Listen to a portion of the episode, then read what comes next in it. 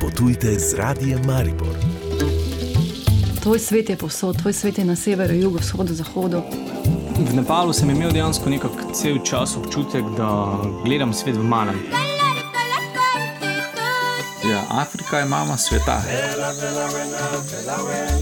Nič ni daleč, ne. meje si samo v glavi postavimo, kaj je daleč. Ne. Lepote Slovenije, doživetja, skriti kotički in zanimivosti.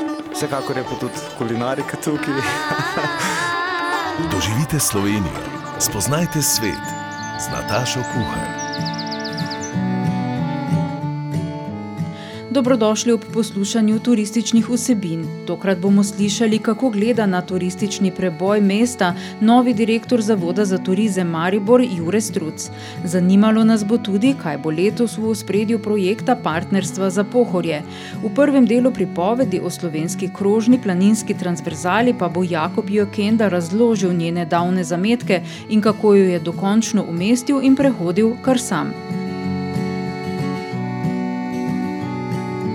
V kampih, kjer jim je bilo ob odprtju tako kot drugim ponudnikom turističnih nastanitev dovoljeno oddajati le 30 enot, so zadovoljni, da lahko po novem ponujajo do 70 odstotkov razpoložljivih enot oziroma parcel. Vsaka sprostitev epidemioloških ukrepov pri obratovanju je za kampe dobrodošla, povečanje zasedenosti pa pričakujejo po 15. juniju. Čeprav kampi odslej lahko sprejemajo več gostov, pa še vedno ostaja v veljavi pravilo PCT preboleli, cepljeni ali testirani. V kampih se zato bojijo, da bo ta pogoj zagotovo kakšnega gosta odvrnil od počitnic. A ker je do glavne sezone še nekaj časa in ker cepljenje intenzivno poteka, verjamejo, da bo večina ljudi, ki bo potovala pravočasno cepljena in da pogoj PCT za nje ne bo prevelika ovira.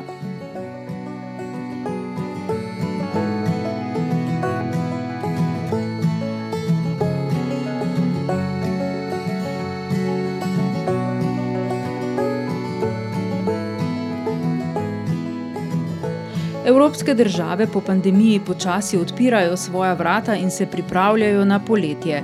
Grčija je tako prejšnjo soboto uradno začela turistično sezono in sprostila potovanja po državi tako za domače kot tudi za tuje turiste. Španija letos pričakuje okoli 45 milijonov tujih turistov, kar bi bila dobra polovica številke iz leta 2019. Svoje meje za turiste iz večine držav članic Evropske unije, tudi iz Slovenije, pa je za turiste v ponedeljek ob predložitvi negativnega PCR testa odprla tudi Portugalska.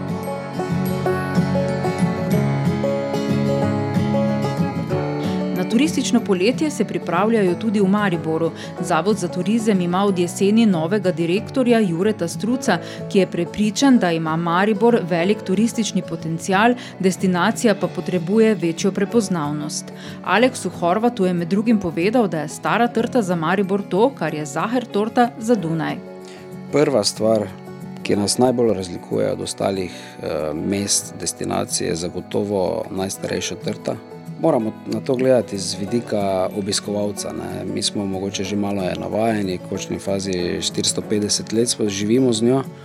Ko pa pride tujec v mesto, je to ena izmed zgodb, ki ga najbolj očara in tudi ostane v spominu. Druga mesta tega nimajo. Če se spomnimo na Dunaj, se verjetno spomnimo na Zahir, Torto opero, Šembrun in še kaj. Če pomislimo na Salzburg, na Mozart, ko pomislimo na Maribor, je seveda pri tujcih prva asociacija najstarejša trta na svetu. Tako da verjamem, da se da na tem najbolj zgraditi zgodbo Maribora, obstaja pa seveda še vse, bom rekel, polno drugih vidikov. Uh, smo mesto festivalov, ki se odvijajo skozi vse leto, smo mesto športa, da ne omenjam samo evropskih eh, podvigov, ki jih imamo, tudi sicer, bom rekel, ogromno prvenstvo se odvija eh, v našem mestu, kajti infrastruktura je takšna, da omogoča tudi to vrsto turizma, ne, eh, pod narekovaji. Med projekti v letošnjem letu Jure Struc izpostavlja. Naši plani so ambiciozni. Plan, ki smo ga pripravili, je seveda narejen na predpostavki, da delujemo celo leto, da smo aktivni od začetka do konca. Dejstva so pa takšna, da pet mesecev smo praktično bili zaprti, tako da določeni projekti ne bodo izvedeni, bodo pač preneseni v neko novo obdobje, ampak vse gledajte, tudi ostali ponudniki na kulturnem področju, športnem, gostinci, hotelirji, pač vsi smo primorani v to, da se prilagajamo trenutnim razmeram. Zdaj, uh, Mari Borčani in tudi vsi ostali si seveda želimo, da bi se javno življenje čim prej sprostilo, da bi bili spet, bom rekel, da bi se lahko družili, da bi lahko obiskovali prireditve, vendar pač treba bo dati čas v čas in počakati na ustrezne razmere. Kljub lockdownu, kljub temu, da je delovalo, kot da smo, bom rekel, vsi malo poniknili, ne, so se naše turbine vrtele naprej projekte smo pripravljeni na zalogo. Zdaj v kratkem lahko pričakujete tudi eh, medijsko kampanjo, za katero želimo Maribor predstaviti kot mesto, ki ima pač več dimenzij turističnega vdiha. Eno je, da ima urbani del, se pravi, drugo pa je, da ponuja oddih v neokrnjeni naravi, ki je v neposrednji bližini Maribora. Na mestnih vinskih gričih, in tudi, seveda, da opozorimo na vrhunsko kulinariko, uh, ki mislim, da je kar se razcvetela v zadnjih petih, desetih letih. Zelo ponosni smo na to, da smo predstavili eh, novost v hiši Stare Trte.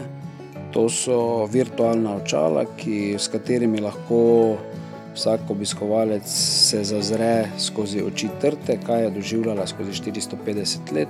Zgodovina je zelo, zelo pestra. Moram reči, da je ta naša najstarejša trta zelo trdoživa. Pač Včasih moraš imeti tudi nekaj sreče, da dočakaš tako starost. V pripravi je tudi nova mariborska strategija turizma. Prejšnja se je iztekla konec minulega leta, nova pa naj bi bila usmerjena v povezovanje vseh, ki delajo v turizmu. Predvidoma bo pripravljena do konca tega leta. Ja, zdaj, eh, glede prejšnje strategije lahko rečem eh, eno dobro in eno slabo stvar. Eh, dobra je to, da so dejansko številke po desetih letih bile presežene.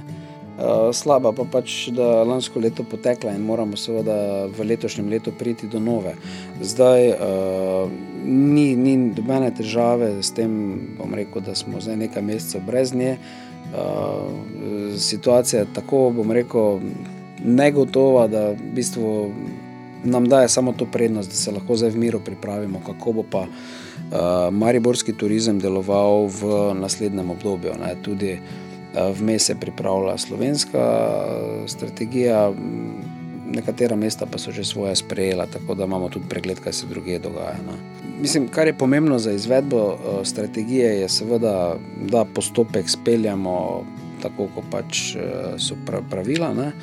Drugo pa je, da bodo v pripravo strategije resnično vključeni vsi deležniki, ki v turizmu nastopajo. Ne.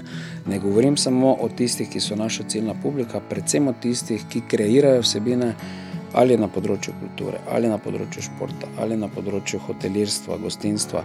Vsi morajo biti vključeni, eh, zato ker to bo naša strategija. To ni strategija zavoda, to ni strategija samo mesta, ampak je to naša strategija. Okoli nje se moramo zediniti in mislim, da je to tudi moje, bom rekel, osebno poslanstvo v mestu da vse te odločevalce nekako poenotimo okoli ključnih izzivov, ki jih imamo, pa okoli ključnih ciljev, ki si jih bomo zastavili. Pomemben del mariborskega turizma je tudi pohorje, in o tem bomo govorili v nadaljevanju. Lepote Slovenije, okusna doživetja, zanimivi ljudje. Potujte drugače, potujte z radijem Maribor. Zlom turističnega sektorja zaradi pandemije je že lani pospešil sodelovanje akterjev na celotnem pohorju, ki so v poletno sezono vstopili skupno turistično promocijo. V okviru partnerstva za pohorje je tako zaživel projekt Pohorje 365. Letos in v prihodnjih letih ga bodo nadgradili, pove direktor regionalne razvojne agencije Podravje Maribor Uroš Rozman. Ob tem pripravljamo sedaj tudi novo celostno grafično podobo Pohorja kot ene destinacije. Eh, sledila bo priprava spletne strani z celovito ponudbo Pohorja eh, in pa seveda kasneje tudi kart eh, in pa skupnih informacijskih tabel, ki bodo nekako vključevale seveda tudi ležnike na Pohorju in na tak način naredile Pohorje turistom celovito, bolj povezano in na tak način verjamemo, da bomo tudi eh, lahko deležni večjega turističnega obiska tega bisera, ki ga imamo. Seveda pa ob tem eh, delamo vse aktivnosti tudi za vzpostavitev sedmih krožnih povezav na Pohorju. Uh, gre za povezave med Mariborskim pohorjem, Arehom, uh, Tremi kralji, Roglo, Laurencom, uh, Ribnico na pohorju ter Kopami. Uh, s tem nekako gradimo ta osnovni uh, nivo kolesarske infrastrukture. Uh, vse skupaj bo povezovala tako imenovana pohorska trezvezala, ki obstaja že dalj časa, vendar jo bomo sedaj prenovili. Seveda želimo te poti označiti nekako v letošnjem letu. Veliko je bilo tudi usklajevanja z vsemi deležniki in še potekajo. Ob tem pa bomo pripravljali tudi idejno zasnovo za vzpostavitev tako imenovanega povezovalnega traila.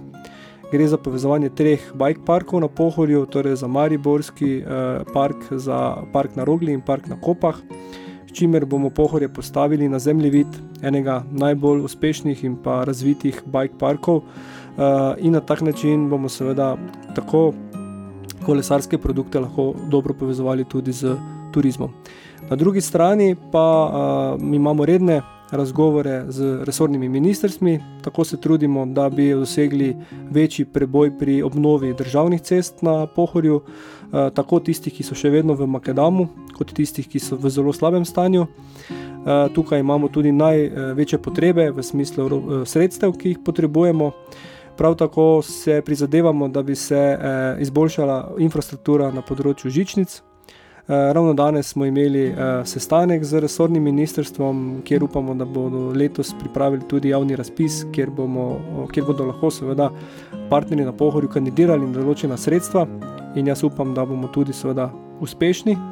Eh, prav tako pa veliko aktivnosti peljemo tudi za spostavitev tako imenovanega regijskega parka Pohorje skupaj z partnerji in pa Ministrstvom za okolje in prostor, ki bi v bistvu nekako omogočal en dodaten moment, tako turistični, kot naravovarstveni, kot razvojni za ovršje Pohorja.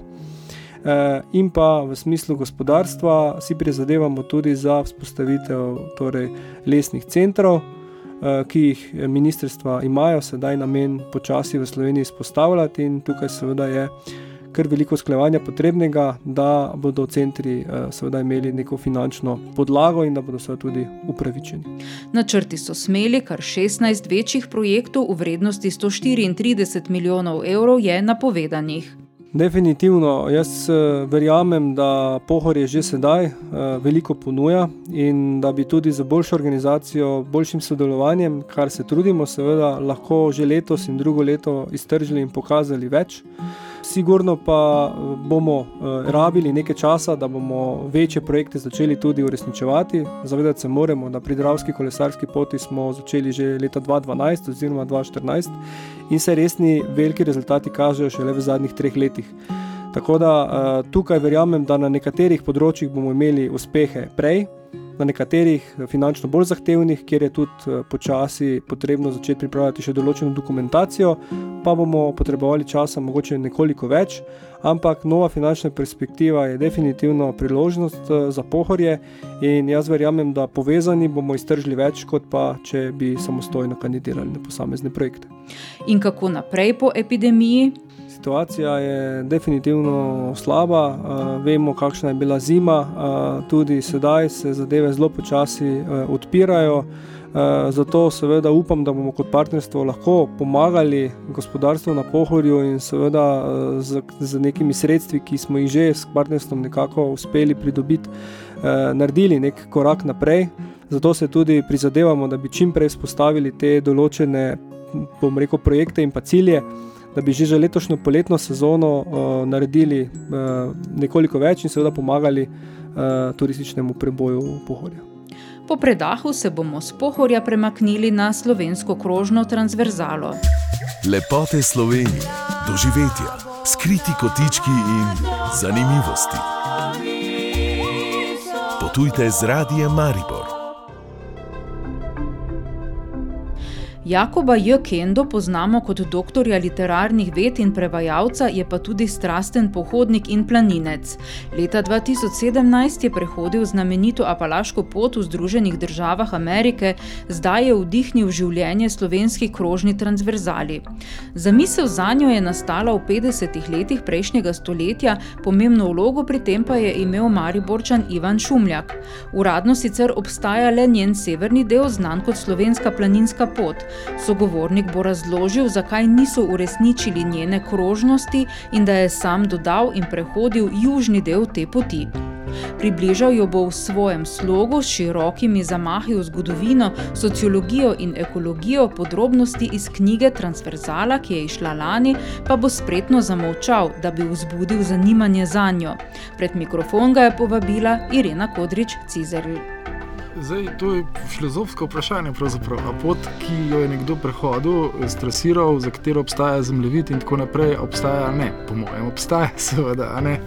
Ker pač tega se moramo zavedati. Ne? Pač pot ne obstaja uh, sama po sebi. Mislim, pot ima podobno kot literatura dvojni obstoj. Uh, eno je tista fe, fenomenalni obstoj, ne? pot pač nekje v realnosti mora obstajati. Ne? Ampak dejansko ima pa, kot temu rečejo filozofi, kvazi fenomenalen obstoj. Skratka, pot obstaja pravzaprav zgolj in samo v zavesti tistega, ki hodi po njej. To enostavno ne gre drugače. Če nekdo ne hodi po njej, pot ne obstaja. In v momentu, ko nekdo hodi, seveda pot je. Tako da pot zdaj obstaja, je bilo pa treba jasno, skladno z tem nikoli izvršenim predlogom iz leta če se prav spomnim, 51. 51 je bil uradno podan v pisni obliki vašega uh, someščana, da tako rečem, ne, mariborskega, izjemno priljubljenega uh, in verjetno, kolikor sem prebral o njem, sem prepričan, da je bil res uh, v marsičem izjemen človek. To je ta uh, Ivan Šumlak, vodja mariborskih markacistov, je to takrat predlagal in nikoli niso uspeli skupaj spraviti, no, kako bi temu rekel. Zato iz več razlogov. Kolikor sem jaz razbral iz pripovedi, pa zelo, uh, že kar sumljivo redkih pisnih ostankov, je bilo razlogov za to zelo dost. Je bil sigurno tudi političen. Ne? Tudi deloma je bila transverzala tak političen projekt, malo no? mal so se borili z oblastjo takrat planinci, tako kot takratna celotna civilna družba, ne? od pesmi štirih do vem, gledališčnikov, kulturniki so bili sploh zelo močni. Ne? No, ampak tudi planinci, namreč v osnovi je bilo pač tukaj prišlo malo do spora glede tega, jasno, da planinci niso marali, če niso smeli hoditi po hribih, ali pa so bile neke posebni tretmaji, kdaj se sme, kje se moraš javiti in tako naprej. In se je želelo vzpostaviti to pravico spet. Ne. Transverzala, ta stari del, tisti, tisto, kar jim je uspelo, je bila v tem do določene mere kar uspešna. Ne. To je treba reči. Ta stara polovica, ki je bila predlagana znotraj celotne transverzale, ki jo poznajo večinoma ljudje, to je od Maribora prek Pohorja, pa seveda Koroških hribov, Karavank, Julica in tako dalje. Do morja no, so jo potem speljali, ne, ta stara polovica je s časom uspela iti uh, po mnogih območjih, ki so bila prej zelo problematična. Ne. Sprva je trasa transverzale zato recimo šla samo do Robleka, ne, pa po Valvazorju in tako naprej, ne na vrh Begunčice, ne na vrh Stora in tako naprej. Ampak tam mislim, da do 70-ih so pa nekako vzpostavili to traso, ki gre še celo malce čez mejo, kdaj danes. Ne. Skratka, ta stara polovica je nekako uspela, se je pa začela komplicirati tam proti Primorski, tudi zato, ker mislim, da so zelo slabo poznali konkreten teren. Šumlek, recimo, ki sem prej govoril, izjemen človek, nedvomno je poznal pohore kot svoj žep, ne, iz njegovega predloga. Ki je vsega 18 besed dolg, ne se pa vidi, da verjetno širša geografija mu je pa delala precejšnje težave. Ne. Tako da je bil zelo uh, nekonkreten, ki naj bi pot sploh šla, in že na tej stari polovici so v bistvu njegov ta zelo kratki predlog očitno popravljali. Ne. Pol na drugi polovici pa ne, ne zaradi tega, ker jo pač niso skupaj spravili. Ne. In to drugo polovico je bilo treba določiti, kje naj gre. Uh, zato, da se je celoten krog prehodilo, uh, in uh, se je tudi prehodilo. Tako da zdaj pot sigurno obstaja, da bodo ljudje lažje hodili po njej, ne, jim ne, če jim ne bodo dovolj samo tem malce postolovskim te stvari, ki so zdaj na voljo ne, na spletni strani transverzale. www.transverzala.si, ampak bojo želeli bolj, kako bi rekel, da jim bolj k, k riti prnese, kdo kaj. Ne? No, za te bo sigurno treba napisati kakšen vodnik. Ne? To je to. Kako ste vi, gospod Kenda, potem pa strasirali to drugo polovico? Po katerih kriterijih? Po, po pameti. Uh, v, v, splošnem, v splošnem je bilo treba upoštevati, kaj ta pot je in pač kje je bila predlagana. Držali smo se predloga maksimalno, kolikor smo se ga lahko, ne? ker seveda. Po drugi strani se je treba držati tudi takih čisto osnovnih zdravorazumskih stvari, kot pač kaj je zdaj ta pot. Ne? Ta pot naj bi bila planinska. Se pravi, znotraj tega, kar je Šumlek predlagal, kar je zelo, zelo na širok, ne? potem čez Dolensko, pa kaj že reče, čez Notransko Dolensko, pa skozi dolino gradov, ki se že vprašaš, kaj to pravzaprav je. Ne? Ker ne obstaja ta pojem v uradnem zemljepisu, in tako dalje. Skratka, zelo, zelo nedoločno, zelo tega se potem mora ta pot iti po planinskem svetu. Ne? Ker je planinska pot. Kaj je planinski svet, je treba to rešiti, ne? to vprašanje, to strašno zagonetko, ne? ker nekaterim je, veste, nekateri štejejo za planinski vrh neko gorico na meji z Mačarsko v čist izrazitem panonskem svetu. Ne? To seveda ni planinski svet. Kar ne pomeni, da tam ni lepo, da se razumemo, krasno je, ne? kaj je lepše kot kakšna super potka, ki se vije skozi vinograde, ampak planinska pa ta potka ni. Ne? Skratka, take čisto osnovne stvari bilo treba upoštevati in upoštevati bilo treba, da ta v načelu slovenska pot, ne, da mora iti skozi vse te ključne planinske člene planinskega sveta. Ne. Se pravi, mora vsaj deloma, vsaj nekje se javiti, da se pofočka v tistem kraju, v tistem pogorju, karkoli že, kjer je nekaj, kar je za slovence ali pa za planinski slovenski svet tako bistvenega. Treba je bilo poskrbeti, da gre čim manj izven planinskega sveta, ne? in uh, treba se bilo držati popolnoma takih vsakdanjih praktičnih stvari, kot uh, lejte, vem, uh, da more potiti uh, po stezah, ki jih bodo lahko ljudje, tudi drugi ljudje obirali, ne? se pravi, da mora iti pot po obstoječih, markiranih poteh in celotna trasa transverzale, krožne. Ne? Gre v več kot 99% po uh, označenih poteh. V kakšnem manjšem delčku pa niti ni nujno, da gre. Ravno nasprotno, jaz sem prepričan, da vsaka prava planinska pot mora izkazovati tudi eno čisto osnovno planinsko načelo. To je ta uh, svoboda, ta uh, praznota krajev, v katerih uh, tako uživamo. In se znajdemo, ne da bi nam kdo karkoli, kar kjerkoli zapovedoval. Z drugimi besedami, dobrodošlo je tudi kakšno brezpotje, ker planinec lahko izkaže eno tako svojo, kako bi temu rekli, čist osnovno znanje orientacije. No? In uživa v tej svobodi. In da se razumemo, teh, teh odsekov je zelo malo. To je res tako malo za dodatno draž, najdaljši, ki sploh ni brezpotje, ki je le problem, katero zdaj lovsko gamsijo ali ne kakšno že ste za obrat je, mislim, da kakšen kilometr dolg, nekaj takega, noč posebenega in ta je še pravzaprav najlažje. Ne.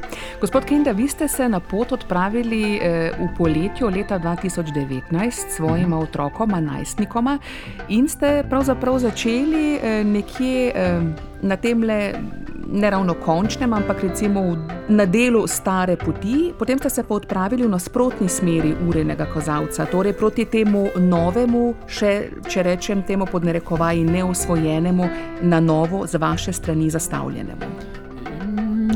Ni čistko. Um, um, zdaj ta, ta krok ne, uh, je to je treba povdariti, izjemna uh, ideja. Ne? Ob vseh morebitnih manjkih, ki so jih imeli Šimlak in njegovi uh, kolegi, uh, so vendar rešili eno zelo osnovno vprašanje. To je, kako pravzaprav na tako majhnem prostoru, kot je slovenski, vzpostaviti neko pravo transverzalo. Namreč, doskrat se, godi, se govori iz zgodovinskih razlogov, da je bila to neka um, sama ideja transverzale, da je bila nek unikum, da, da so se to naši fanti spomnili in potem, da so nas drugi nekaj časa zasmehovali, celo češ kaj se gremo, potem pa nas začeli posnemati. No, žal ni bilo tako. Ne? Dejstvo je bilo, da so tako fanti rekli, zato, da bi imeli še večjih težav z oblastjo. Namreč to so si te transverzale so si izmislili pač američani, ki so imeli tudi. Ko bi rekel, duhovno-zgodovinsko ozadje, kot se temu reče, lepo za to. Oni so imeli to romantično filozofijo, ki je spodbodla sploh samo razmišljanje o tem, da bi bila taka pot možna. In potem so tudi prvi tako pot skupaj spravili, po kar precejnih poskusih. Je bila to seveda mati vseh poti leta 37, 1937 odprta Apalaška pot, ki se ji tudi zato reče mati vseh poti. In zdaj si vi morate predstavljati, da naši planinci so hoteli imeti isto, kot so imeli američani, kot so imeli tudi francozi, že, ker so američani to kot ta osvobodilna, ali kako naj rečem, vojska ne, med drugo svetovno vojno, so prišli v Evropo, seveda. Prvi, ki so se javili za osvobajanje, so bili planinci, kdo pa drug. Ne? In so prinesli v Evropo to uh, novico ne? o tem, da kaj mi imamo, in so tudi francozi, seveda, takoj hoteli meče oni. Ne? Ne samo to, ne, ker so bili francozi tako zelo pač francozi, so uh, takoj rekli, mi moramo biti boljši, ne ti američani, kaj pa je to, mi smo planinski narod. Ne. Skratka, uh, ni šlo samo, da bi imeli oni tudi eno uh, dolgo pot, eno transverzalo, eno veliko turo, kot so to sami poimenovali francozi, ampak so že leta 47 rekli, evo, ne, mi imamo zdaj tukaj cel načrt nacionalnih poti, kauna, avtocestni križ, ne pa še bolj zakompliciran, ne, ker moramo biti pač boljši. In ne, v tem tekmovalnem duhu malo so tudi slovenci rekli, tudi mi moramo to imeti, samo zdaj so bili pa v zagati leta 50, kaj če rečete. Zgledovali se bomo, uh, ko se je že to takrat rekel. Po velikem imperialistični veli sili in njenih evropskih kapitalističnih lakajih. Mislim, pač to nismo mogli reči. Ne? In seveda jim je bilo bolj varno, da, da so rekli, da se to, ne vem, delovno ljudstvo Socialistične federativne republike Jugoslavije, sploh Slovencije, Socialistične republike Slovenije, izmislili in zdaj bo to nekaj dokazali ne, o tem, kako je ta naš sistem krasen in tako naprej. Skratka, to so se malo, so se te mance šli. Ne. Ideja pa, kot rečeno, je bila pa izvrstna ne samo zaradi teh manc in vsega, ampak zato, ker dolga pot je nekaj, kar ti vzame, ali pa transverzala po naše, nekaj, kar ti vzame najmanj dva meseca poti. No? Mislim, hoda enemu povprečnemu, normalnemu človeku. Nekako dva meseca, tam blizu dva meseca, saj hoda bi morali biti na taki poti, kar je v Sloveniji problem, ne? ker je mehna. In zato je bila ta rešitev briljantna. Slovenija ima lahko, tudi Slovenija ima lahko to dolgo pot, če uh, seveda je krožna. Ne? In potem iz tega kroga pa cel kup še res krasnih idej pride ven, ne? ker to je potem pot brez začetka in brez konca. Kot je povdaril že Šumlak, razumemo ta nacionalni naboj v tej ideji, ne? to, to prepričanje v to, da je to nekaj tako večnega, kot je večno planinstvo, slovenstvo in vse to, ne? zelo lepe misli, skratka. Iz tega ven prihaja pa tudi še okrepljena, recimo, kakšna lastnost vseh transverzal, to je združevalnost. Ja, vse, vse transverzale, vključno s to ameriško palaško pot, so tudi združevalne, izrazito združevalne. Ker se bom preprosto povedal, no, če si dva meseca na poti po eni deželi, ne, med ljudmi te dežele, pa se matraš s tistim nahrbtnikom dan za dan, ne, dan za dnem, pol, veste, da. Bož, ne samo, da boš zelo težko govoril grdo o tej državi ali o teh ljudeh, ampak enostavno se navežeš na njo, se ne moreš drugače. Ta, ta pohodniška sreča, ki se na tako dolgih pohodih vzbudi v tebi zaradi čist običajnih, normalnih, fizikalnih, medicinskih no, procesov v tvojem telesu, je nekaj, kar seveda te želi z nečim navezati. Ne. To je čisto kot če bi se zatrpal, no, dobesedno. Ne. Skratka, neko afiniteto dobiš do, do te, posledično do skupne identitete. Ne. In to je zdaj tisto, kar je samo še ukrepljeno. Ne, ta osnovna funkcija dolgih poti, transverzal, je samo še ukrepljena na naši transverzali že z njeno to krožno formo. Ne, se vemo, pač prsten si nadaneš v življenju z določenim namenom na, na roko. Ne. Eh, in ta forma krožna ni slučajna. No, in zdaj se končen, tako le na dolg sem odgovarjal, ampak je bilo treba razložiti, ne, končen prišel do teh eh, posebnosti slovenske transverzale, ki določajo tudi, kako se jo prehod. Ne vemo še, kako se je prehod. To je dejansko, to pa je tisto, kar je unikom pri tej slovenski poti. Nobena druga transverzala ni krožna. In pri vsaki transverzali še, uh, je trajalo dolg, dolg desetletje, da so se naučili, kako se je prehod najboljši. Recimo na Palaški imaš enih, uh, jih je šest ali sedem tako imenovanih klasičnih načinov, kako jo prehoditi. Ne? Ni to zdaj samo v eno smer, pa ne vem, kje začeti, pa tako naprej. Ne? Sploh pa na krogu, kje boš začel zdaj. Ne?